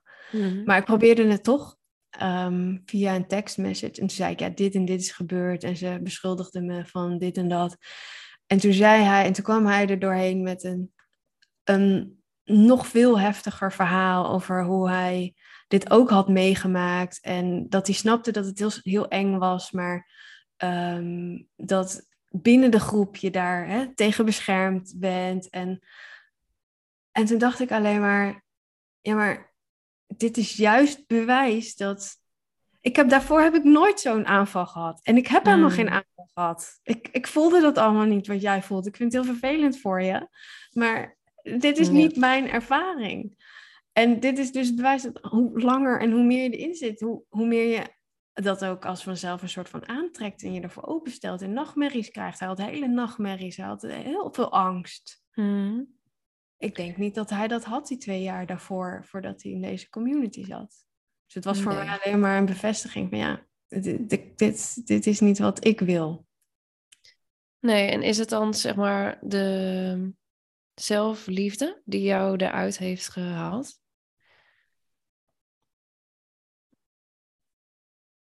Ja, ik zit even te denken ehm, hoe dat. Nou, ik denk dat in het begin, zeg maar, als je uit zo'n ervaring komt, en ik denk dat dat voor jou ook geldt, en dat je daar misschien nog iets meer in zit dan dat ik in zit, eigenlijk kan je het nog niet helemaal plaatsen wat er gebeurt of wat, wat, wat er dan precies niet klopt. Je weet alleen, het voelt niet goed. Hmm. Dus ehm, toen ik die avond die beschuldiging kreeg en al die omhelzingen en ik moest ook ontzettend hard huilen en zij dachten allemaal dat het kwam omdat ik eh, door die door door zeg maar die entities en zo, maar het kwam omdat ik gewoon mijn eigen soul gecrushed voelde en getraumatiseerd voelde door door die door de aanval van hun, niet van die entities. Dus daarna heb ik ook nog gebeld met iemand die ik kende, die ook uit de groep was gestapt. En zij, zij, zij stelde mij één vraag, en dat was cruciaal. Ze zei: Anke, how do you feel when you are around him? Hmm. En toen dacht ik: ik voel me angstig, ik voel me klein, ik voel me onzeker, eh, ik voel me niet goed genoeg, ik voel me minder dan. Allemaal dat soort dingen. Ja. Dus, dus inderdaad, ik denk zelfliefde. ze- Om, ik dacht, dat is niet goed. Dit is niet hoe ik me hoor te voelen. Nee. Bij niemand niet, maar zeker niet bij deze persoon die zo'n grote invloed heeft, naar wie ik zoveel uren aan het luisteren ben, die ik aan het volgen ben, naar de andere kant van de wereld. Hmm. Dat, dat klopt niet. Dus dat was eigenlijk, denk ik, het eerste. Zeg maar, een soort van: oké, ik weet niet precies wat hier is gebeurd, wat er aan de hand is. Maar zo hoor ik me niet te voelen. Nee. Ja. Nou, dat herken Alle woorden die jij hebt getypeerd. Onzeker, angstig, minderwaardig, gekleineerd. Het kleine dan, dat eh, exact dat. Ja. Ja. Ja, en ik denk dat. Ik ben benieuwd hoe dat bij jou ehm, geframed werd. Maar bij ons werd dat dus geframed. Al die gevoelens van: oké, dan heb jij dus nog iets te doen in jezelf. Hmm. dan ben jij nog te triggeren. En dat is ook zo. Um, Maar tegelijkertijd betekent dat niet dat iemand mij expres moet gaan zitten triggeren. Hmm.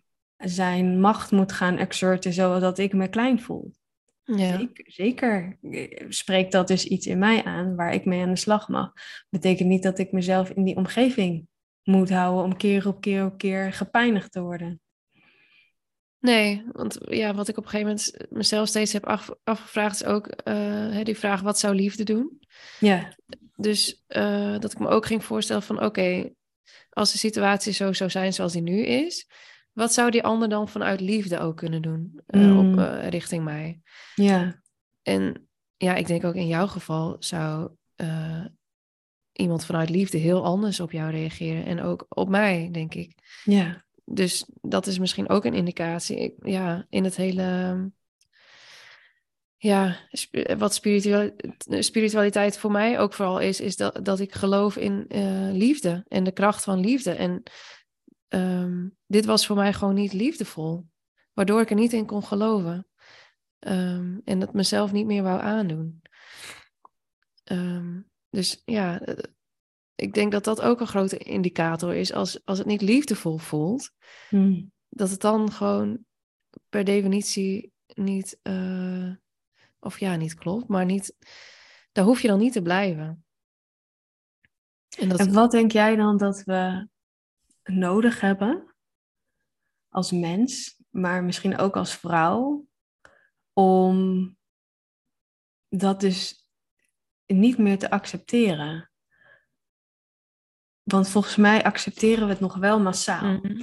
ja. Situaties die niet liefdevol voelen. Mensen die niet liefdevol voelen.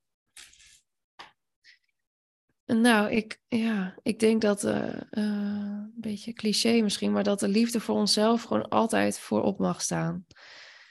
Ehm, dus, en dat uitzicht in je eigen grenzen respecteren en je eigen waarheid respecteren en wel in liefde naar de ander kunnen kijken. Maar als je voelt, het is niet goed voor mij om hier nog langer te blijven, of eh, ja, dat je jezelf daar ook dan weer uit haalt. Het hoeft niet ten koste van jezelf te gaan, zeg maar. Ehm, ja.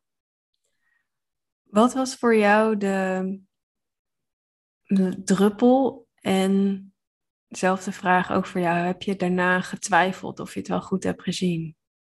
Dus wat maakte dat je zei, ik stop hier? En voelde dat toen meteen helemaal goed en niet meer teruggekeken, bij wijze van spreken? We kijken nu natuurlijk hartstikke terug, maar je snapt wat ik bedoel. Ehm, de druppel was voor mij. Ehm, ja, nou, dat klinkt een beetje banaal, maar ik had een opdracht gekregen uh, om iets met uh, een, een aanbod tijdens Black Friday te doen. Um, en die opdracht, ja, ik liep daar helemaal mee stuk. Want net zoals jij omschreef, van, ja, mijn leider, zeg maar, leidinggevende in dit geval, voelde voor mij ook totaal onbereikbaar. Dus elke vraag die ik had, ik voelde al van dat is te veel. Hmm. Ik stoor haar, ze zit hier niet op te wachten, ze vindt dat ik het zelf uit moet zoeken. Dus nou ja, ik met mijn goede bedoelingen probeerde dat ook zo goed en kwaad het kon zelf uit te zoeken. Maar ja, op een gegeven moment overzag ik het niet meer. En ik zat zo in die angst van, oh, maar dit zal ook wel niet goed genoeg zijn. Uh, elke stap wat vanuit mezelf zou komen, dat voelde, ja, zat gewoon zoveel spanning op dat ik helemaal vastliep daarin. Uh, nou, toen een paar dagen voor het Black Friday gebeurde, voor die datum, toen, uh, ja, wat was er gebeurd die dag? Volgens mij was ik eerst ochtends half aangereden door een auto, waardoor ik er al af, van af was. Mijn dochter moest ik ziek ophalen uit school. Dus ik liep, nou ja, het liep al niet lekker. En toen kon ik gewoon niet anders dan in een soort van overgave stappen en alles soort van uit handen uh, geven. Want ik kon ook echt niet werken die dag daardoor. En um, nou ja, mijn teamleden zagen dat en die zeiden van nou, wij, wij nemen het van je over.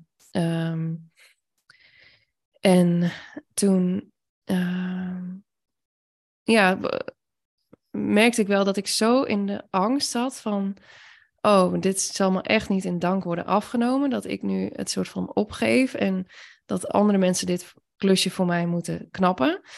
Ik, uh, ik werd gewoon steeds een soort van banger en banger.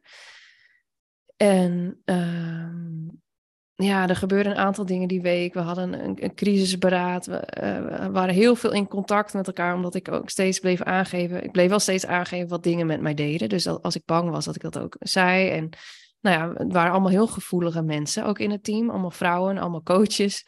Dus we, hadden het er veel met z'n allen over. We zaten veel in, in een soort van meetings.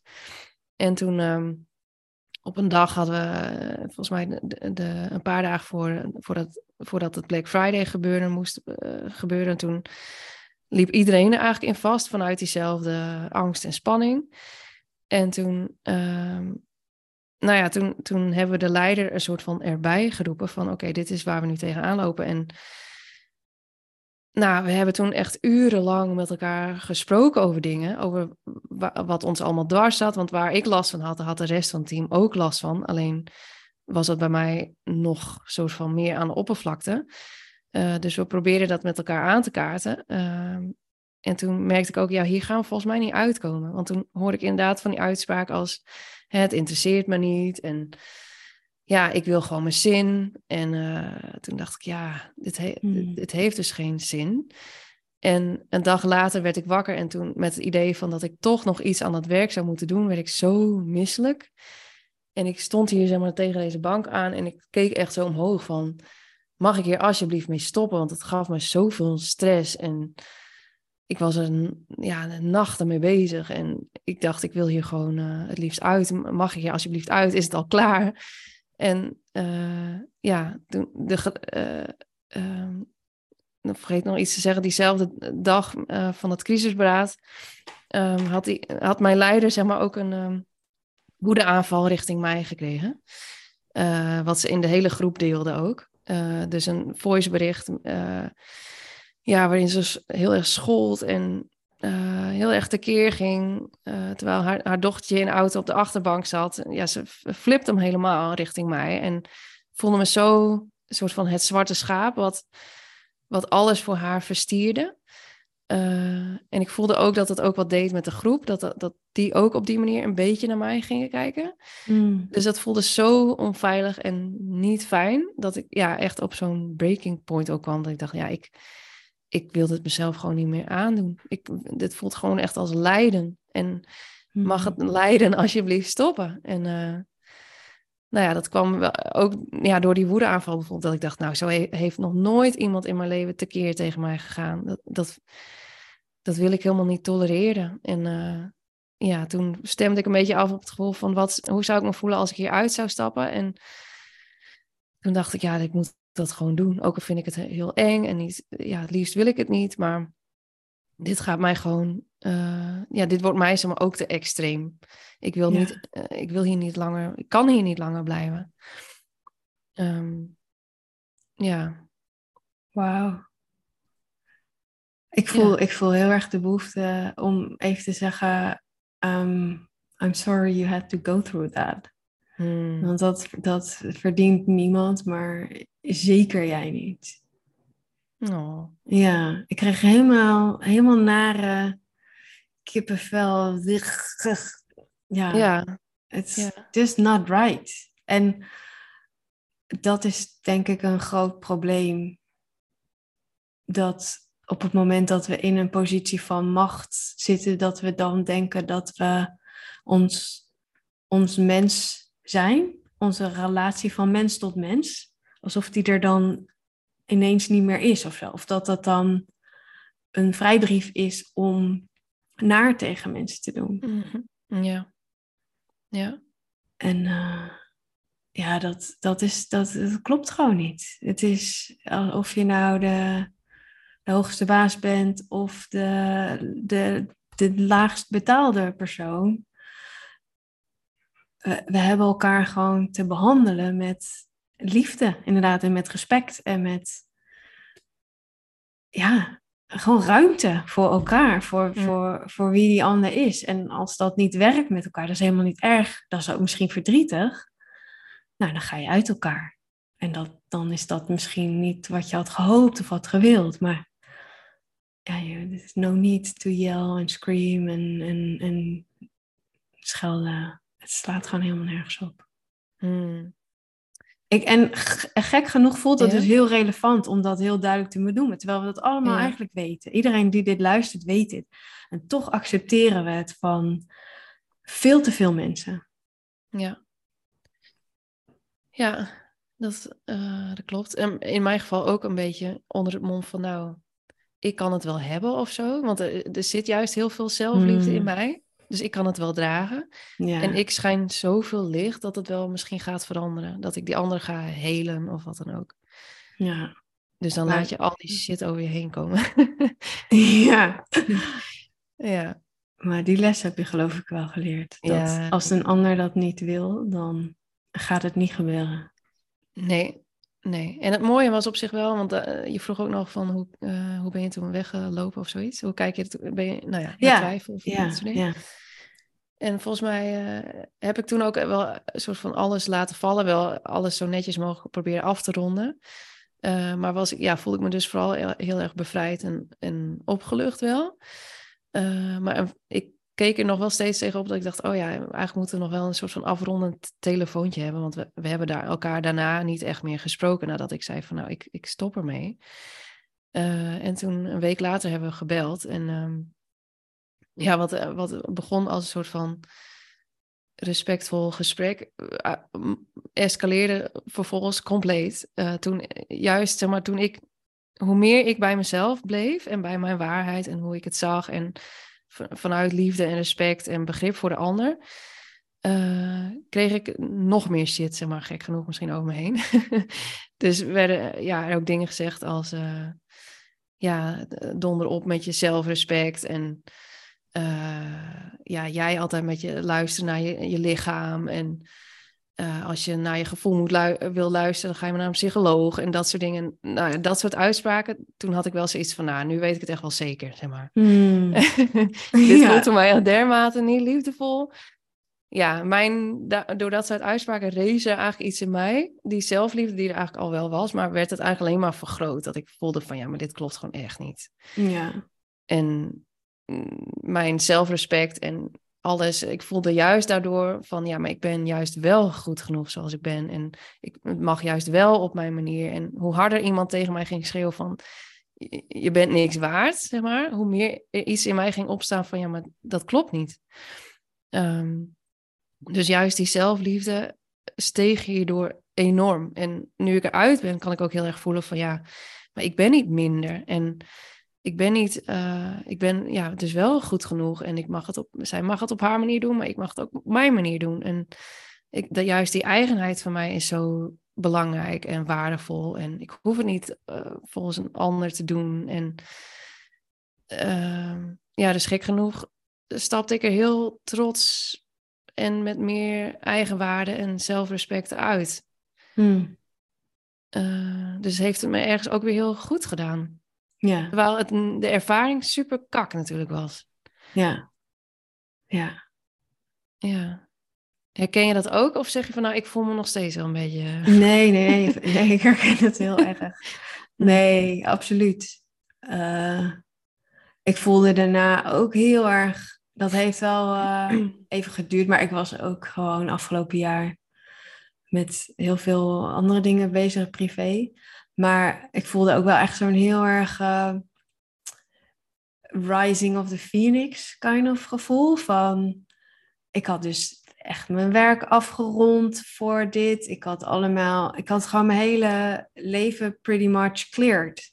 Ja. En om daarna juist weer ehm, mijn eigen ding te doen en mijn eigen werk voor mijn eigen mensen, mijn eigen stem, mijn eigen expressie. ja. Ehm, dat, dat voelde zo ontzettend logisch en kloppend. En ehm, I, I felt really silenced in that group. Hmm. En ik voel nu ehm, dat dat een helemaal niet is waarvoor ik ben gekomen. Ja, ja. I, I, I'm here to speak up. En zo'n ervaring als deze helpt alleen maar om, om me te realiseren waarom en waarvoor en voor wie. ja. En ja, dus ik heb ehm, qua heling de eerste paar weken wel, eh, wel echt wel huilbuien gehad en grote verwarring, maar vooral een groot gemis van de mensen die ik achterliet. Want dit was, het is zo'n, zijn zo, zulke mooie mensen zitten in, in die groep. En dat was ook een van de redenen waarom ik steeds meer en meer me ermee verbonden voelde en raakte. Het was echt my sisters en my brothers. Die zitten daar nog steeds. Ja. Ehm, en, en dat deed wel heel erg veel pijn. Ehm, maar daaronder. En, en dus wel verwarring van, hé, wat gebeurde hier nou? Niet van, ik heb, ik, het is niet goed geweest om eruit te stappen, maar wel, hè, is deze persoon nou een complete narcist, wat ik eerder zei? Of is die, of is die gewoon even van het padje af? Al, heel veel vragen wel, en hoe zit dit dan? En, en deze teaching, klopt dat dan wel? Dus weer even alles helemaal uh, afgaan voor mezelf. ja. Maar daaronder, um, de onderstroom is absoluut heel positief en helpend. En um, heeft me heel veel kracht gegeven. Ja. Ja. ja. Om het echt ook op jouw manier te doen. Jouw eigen stem, jouw eigen visie. Ja, ja, ja. Ja, mooi. Oké. Okay. Ja. Hebben we nog iets om te delen? Nou, ik, ik, ik denk het wel. Kijk, ik, ik ja. heb hier echt... Maar ik voel ook dat, het, dat we wel richting afronding gaan. Maar ik heb hier echt zes pagina's vol. Mm. Dat heb ik vlak daarna heb ik alles opgeschreven. Ja. En we hebben echt niet alles behandeld. Nee. Uh, maar ik voel wel dat wat er hier vandaag gedeeld mocht worden, voel ik me heel uh, compleet in. Ja. Ja, en is het misschien mooi om mensen uit te nodigen uh, als die dit herkennen en bijvoorbeeld een vraag hebben of nog ergens dieper op in willen gaan, dat ze dat bij ons kunnen. Ja, heel kunnen. graag. Heel graag. Ja, want hier is het laatste woord nog niet over gezegd. en dan bedoel ik, kijk, wij, wij hebben onze ervaringen, dus ik ben helemaal open en bereid. En jij uh, gok ik ook om nog meer in detail te treden en om, om dat nog meer te schetsen. En tegelijkertijd alles omtrent toxische relaties en, en, en high control groups en alle thema's die we hebben aangeraakt, voel je van, oh, dit, hier zou ik een, een, bijna een hele episode over willen. Of eh, hier heb ik nog een vraag over. Of dit is wat in mijn leven nu speelt. Het hoeft ook niet per se een topic te zijn voor de podcast, wat mij betreft. Ik vind het ook uh, heel fijn als mensen gewoon iets willen delen, dat ze dat gewoon even kwijt kunnen. Dan uh, mag dat ook altijd. Zeker. Ja, lijkt me ook mooi. Dus bij deze ligt de uitnodiging er. Ja, en dan voor mij het liefst uh, via Instagram ben ik het beste bereikbaar. Yes. Makkelijkst. Jij ook. Ja. Wat is jouw Insta? Uh, sanneplantinga.insta. sanneplantinga.insta en die van mij is ankeverbruggen.nl. All yes. right. Oké. Okay. Thanks for sharing. Ja, jij ook. Ja, jij ook. Heel erg bedankt. Voelt heel, uh, heel kloppend. Hmm. En, ja. Uh, nou, wie weet, uh, tot een vervolg. Yes. Alrighty. Oké, okay. thanks for listening everybody. Bye. Doeg. Yes, dat was hem weer. Nou, zoals gezegd in de intro is nog lang niet alles gezegd over dit onderwerp. Dat kan ook niet. Um, er druppelden bij mij nog allerlei inzichten en flarden aan wat ik nog met je wilde delen naar, naar binnen. Um, na de opname van dit gesprek en ook in, um, in contact met Sanne kwamen er tussen ons ook nog weer allerlei interessante vragen naar boven. Van hé, hey, maar hoe, hoe zit dit dan? Of hoe, hoe moeten we daar als collectief mee omgaan? Het lijkt me hartstikke leuk om een vervolg-episode op te nemen. En uh, daar kunnen we, zoals gezegd, jou, uh, jouw hulp bij gebruiken. Dus heb je een ervaring, heb je een vraag, wil je iets delen? Laat het ons dan weten. En dan uh, komen we heel graag bij je terug met een deel 2. Heel veel liefs en tot in de volgende.